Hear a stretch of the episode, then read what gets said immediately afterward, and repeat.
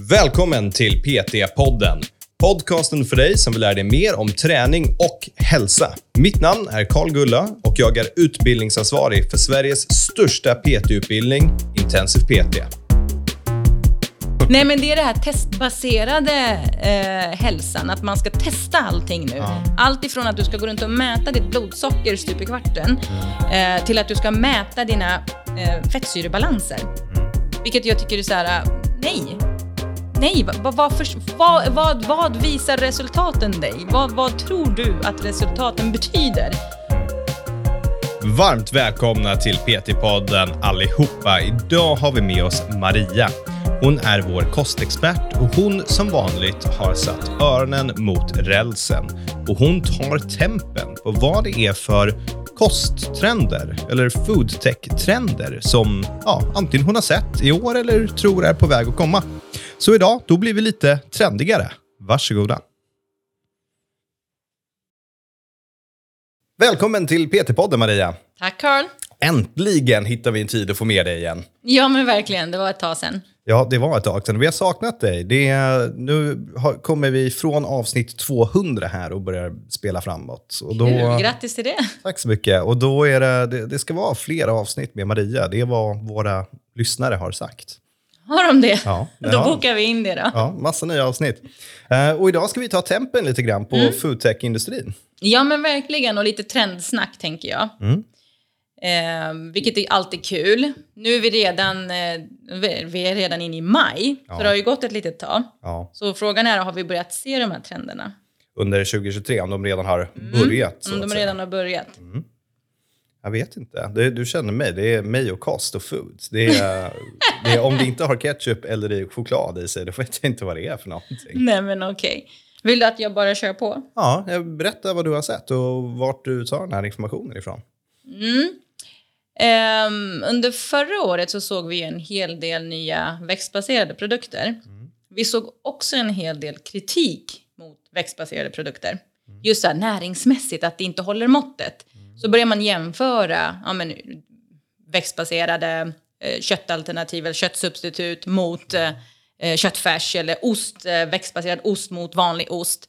Och eh, där tycker jag man tappar lite så här, hela syftet med vad det är för produkter som vi har ute på marknaden. De här växtbaserade, att de alltid är jämförda med att det Ja, här är vissa liksom saker går inte vegetariskt. riktigt att jämföra rakt av, medan andra saker absolut, det finns bättre, alltså, det går att jämföra. Ehm, vi, har ju, vi har ju produkter ute på marknaden och vi har olika typer av produkter på marknaden. Vi har de som är baserade på ja, men, ärtor och bönor och eh, grönsaksbiffar.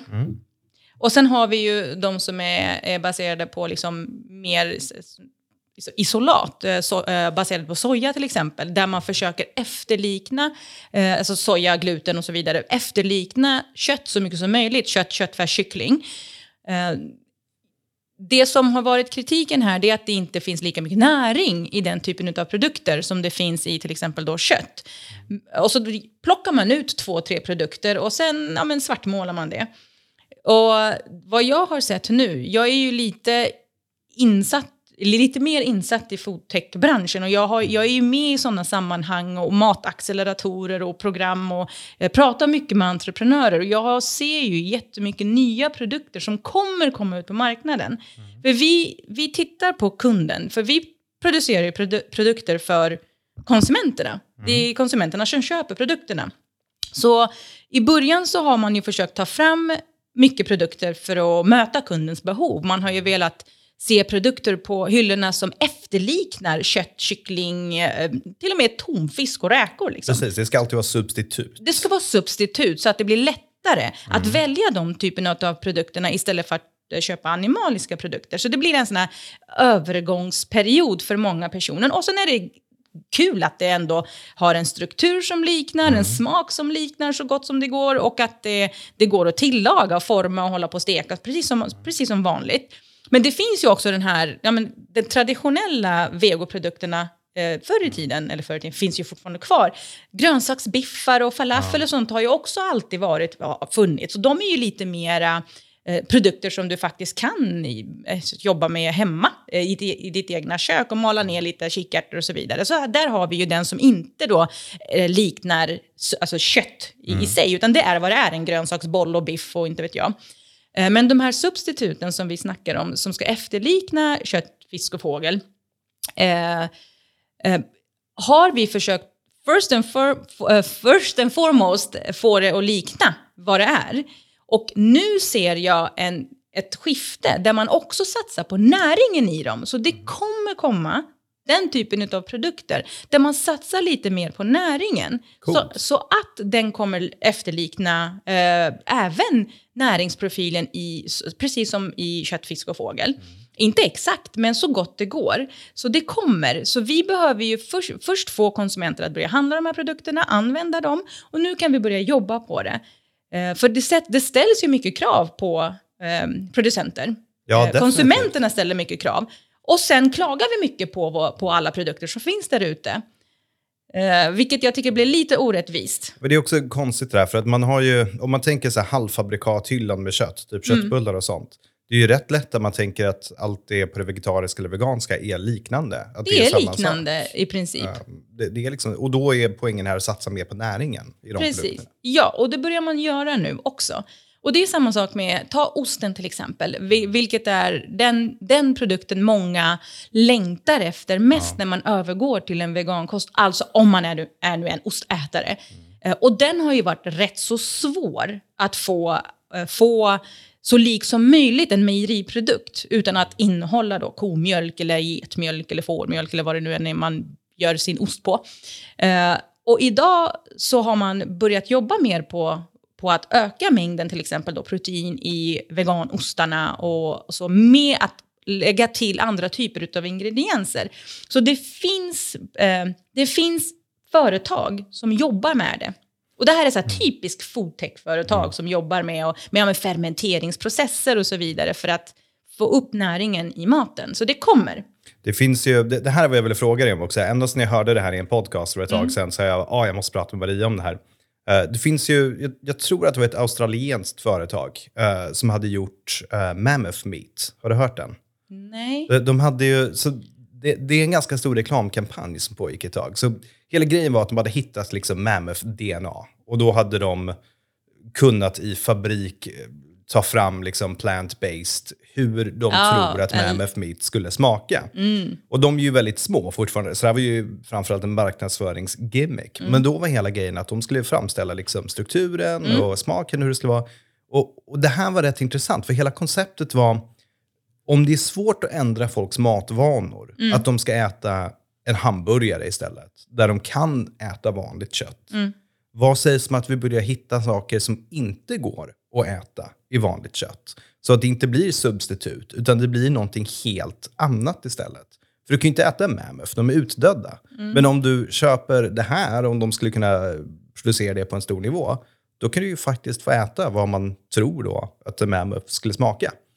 Och det var liksom hela det konceptet. Att försöka jobba in eh, plant-based food, eller jag, jag vet inte vad det var gjort på, men liksom eh, den typen av mat på det sättet istället, med annorlunda typer av produkter. Du tänker att de tog DNA därifrån och försökte framställa då? Det här, det finns ju en sån process. Det finns ju den typen av produkter. Det heter ju så här kultiverat kött eller labbodlat kött. Och ja, det gör man ju det också. kanske var labbodlat. Det kan vara det. Då tar man ju muskelceller Mm. från, eh, befint, alltså från riktiga djur då Mm. eh, och odlar det. Men man dödar inte djuret. Mm. Man, man, man lånar en liten bit eh, utav den eh, utan att liksom, den kommer till så pass stor skada. Och sen odlar man kött på det i laboratorier. Mm. Och då blir det liksom så lite kontroversiellt. Det är inget, du har inte dödat ett djur, Mm, du har kött ändå. Hur tänker vi nu? mm. Är det okej då som vegan att äta kött? Ja, jag låter den filosofiska frågan vara öppen. Men själva, Ja, det är en... Det är en men, men, men själv, det, jag har inte svar på det. Men själva konceptet av att ta fram liksom mat som folk inte vanligtvis äter. För det, det kom ju fram sen att det här var marknadsföringsgimmick. De sa Mm. ju liksom att nej, baserat på den informationen vi har kan vi inte säga att det här är mammoth meat. Mm. Men själva konceptet är få folk att äta saker de annars inte hade kunnat äta. Så just nu håller de på med någon sällsynt fågel. Uh, så att man ska få göra en liten tasting. Det är någon sällsynt fågel, någon asiatisk sällsynt fågel som man aldrig någonsin skulle kunna äta. Men då framställer de så att en select grupp, för att de är små, ska få genom den här eh, uh, växtarköttet då få veta hur det hade smakat. Och sen när man tar det här steg längre, då finns det mycket häftiga grejer man kan göra med det. När man bara inte döper det till hamburgare. Utan döper det till något annat. Döper det till något helt annat. Eller korsningar av saker. Typ, mm. vad sägs om att du kan få välja själv? Att du får, ja men jag tycker om strukturen av bacon, men jag vill att det ska smaka som kyckling till exempel. uh, ja. Att liksom man, man, gör den här, ja men okej, okay, eller påhittade djur. Så här, jag vill ha en unicorn meat. Liksom. Mm. Eller om du kör re reklamkampanjer. När liksom du kom Super Mario-filmen ut, då kanske man kör Bowser Meat till mm. exempel. Det, det, finns så mycket, men hela grejen bara är att sidesteppa. Från att istället mm. för att säga det här är ett substitut till kött, det här är fake hamburgare, mm. så är det någonting som inte köttindustrin kan reproducera. För att det existerar inte på riktigt. Nej, men man måste ju få det att existera. Så du måste ju ta någonting ifrån, du måste ju använda någon grund. Kan de inte bara göra så här plant-based beef och döpa det till Bowser meat och så har de bestämt kan sig för säkert. att det här är vad Bowser meat faktiskt smakar? Jo, det kan man säkert. Då måste det inte komma från kött. De, mm. de kan ju bara hitta på. Det, det är ju marknadsföring, men mm. det är ett smart sätt att få folk att kanske testa en produkt som man inte hade velat testa annars. Det finns ju någonting som heter precisionsjäsning.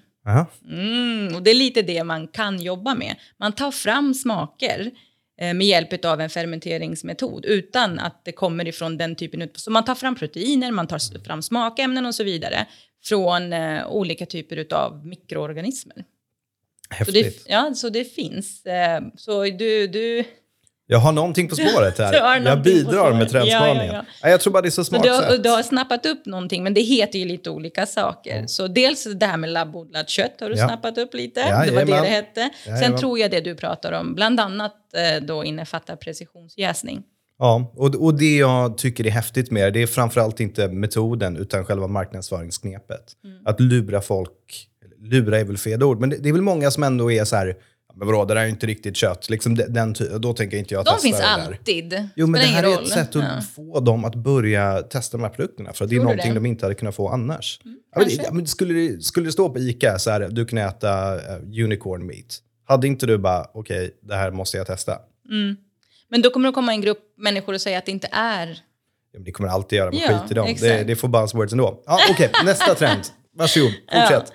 Eh, sen, det är ingen trend egentligen, utan det är bara ett fortsatt arbete. Då är det här med att här, minska på eh, klimatpåverkan och miljöpåverkan, alltså minska på matsvinnet bland annat. Ja. Jag tror det arbetet kommer fortsätta. Eh, vi har ju vår Agenda 2030 som, som vi eh, jobbar mot. Och vi har ju även sett nu i de nya nordiska näringsrekommendationerna som kommer ut, så smyger sig då miljöaspekten in mycket, mycket mer i kosten. Vilket får bli faktiskt ett helt separat tror jag, podd, eh, ja. podd eh, i Därför. ämnet NNR eh, 2023. Ja, verkligen. Mm, det måste vi prata om också. Ja, absolut. Men där tror jag, nu, man, man smyger in miljöaspekten mer och mer i, eh, i företagen, i maten, i kosten. Och på många se, olika sätt. Och ser du liksom hur det här ska visas för kund då? För det är väl slutresultatet av det? Att man ska visa effekten? Ja, eller jag tänker så här, du vet, på samma sätt som man kollar baksidan och ser kalorier, eller om mm. det är svanmärkt eller något sånt. Att mm. du kan se en sliding scale 1-10 eller något sånt, där 10 är så här, äter du det här så är det samma sak som att hälla bensin på Amazonas. Liksom. Och 1 är, ja men det här är helt fint att äta. Eh, som, en, som en del av etiketten. Ja, eh, jag har inte sett något förslag på det riktigt än, att man ska ha det. Eh, ingenting konkret. Mm. Det har ju kommit andra förslag som, där man ska vara tydlig med vad maten innehåller. Inte, alltså det som vanligtvis finns bak på etiketten, liksom på ingrediensförteckningen och näringsdeklarationen. Att de stora sakerna ska även finnas framme, liksom sockermängden mm. och mättade fettet, att det ska vara tydligt. Mm. Uh, men miljöaspekten av den, liksom klimatpåverkan. Vissa har ju så här klimatavtryck, så här mm. stämpel och, och hur mycket. Det finns i andra länder, men jag har inte riktigt sett det här. Men det kan komma. Så hur tror du att den här trenden liksom kommer påverka för konsumenten? För det är väl där det är viktigt, eller det kanske inte är viktigt i slutändan. Det är mer viktigt än vad vi tror, tror jag, för ja. konsumenterna. De, precis som jag sa det här med vegoprodukter, konsumenter ställer högre krav. I början så var kravet att det ska finnas. Nu börjar man titta på att förbättra produkten. Mm. Och det är ju samma sak här. Eh, konsumenten är mera medveten idag. Och det finns faktiskt det finns företag som jobbar med just effektmätning. Mm. Eh, ett av de företagen heter Effektfullt till exempel, där du som företagare kan köpa tjänster och mäta vad har du för effekt på mm. samhället på olika sätt. Eh, vilket är också någonting som du kan ha och displaya.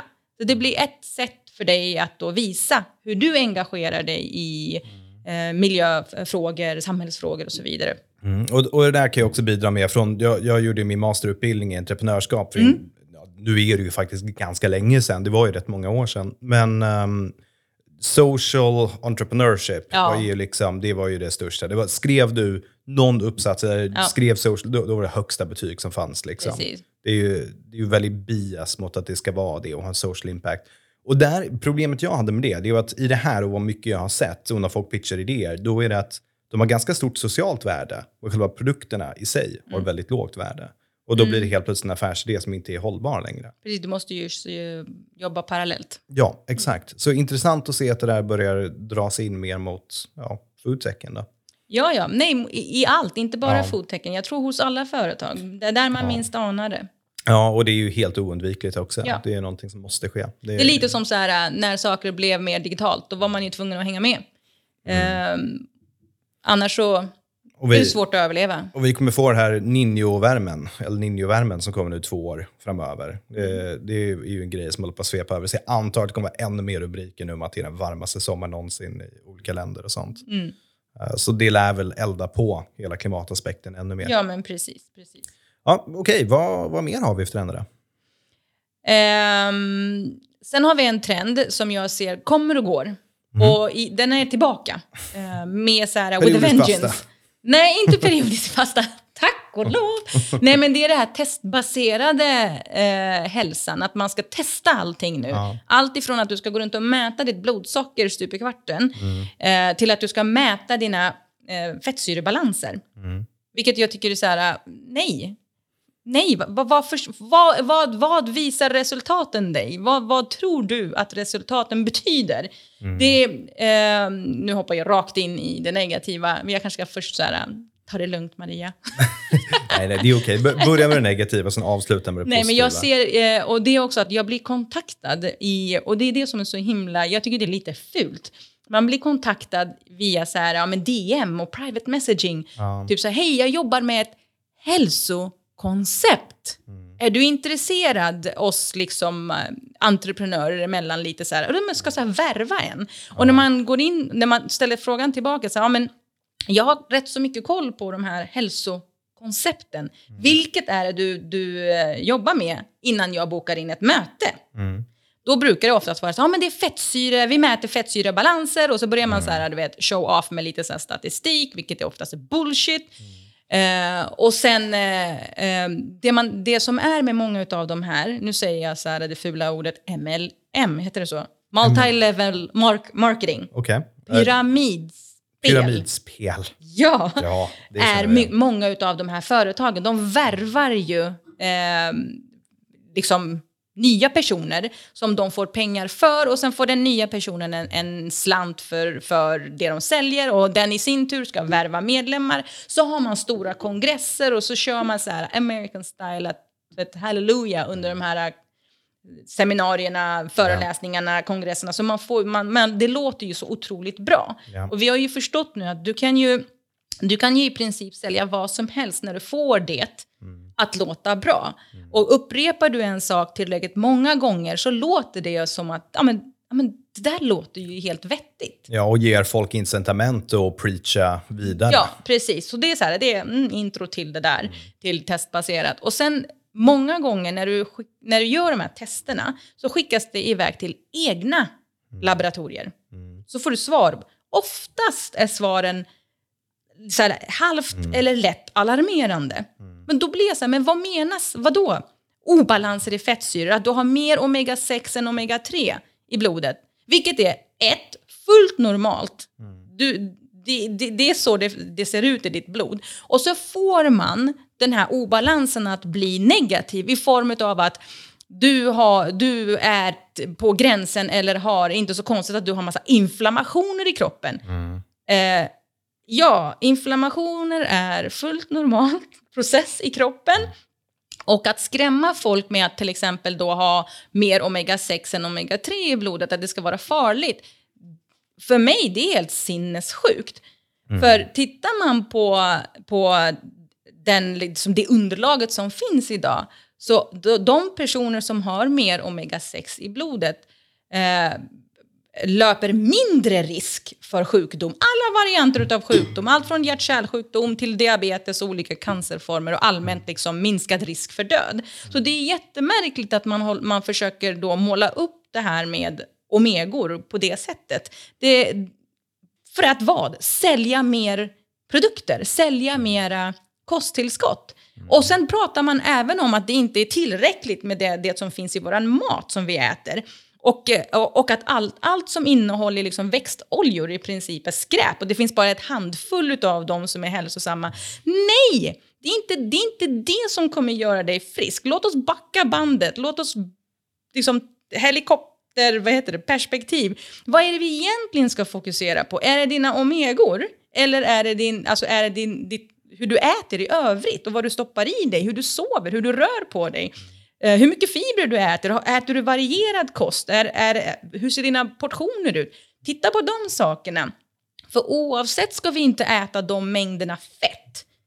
För att, för, för att säga att du ska, ja, men nu ska du bara käka massa omega-3-rika produkter eller omega-3-rik, alltså äta liksom den mängden. Nej, utan vi ska oavsett inte äta mycket av våra fettkällor utan vi ska titta på våra kostråd. Försök för guds skull, följ våra kostråd och se hur du mår istället för att hitta massa genvägar. Att bara äta ett kosttillskott med omega-3 kommer inte lösa dina problem.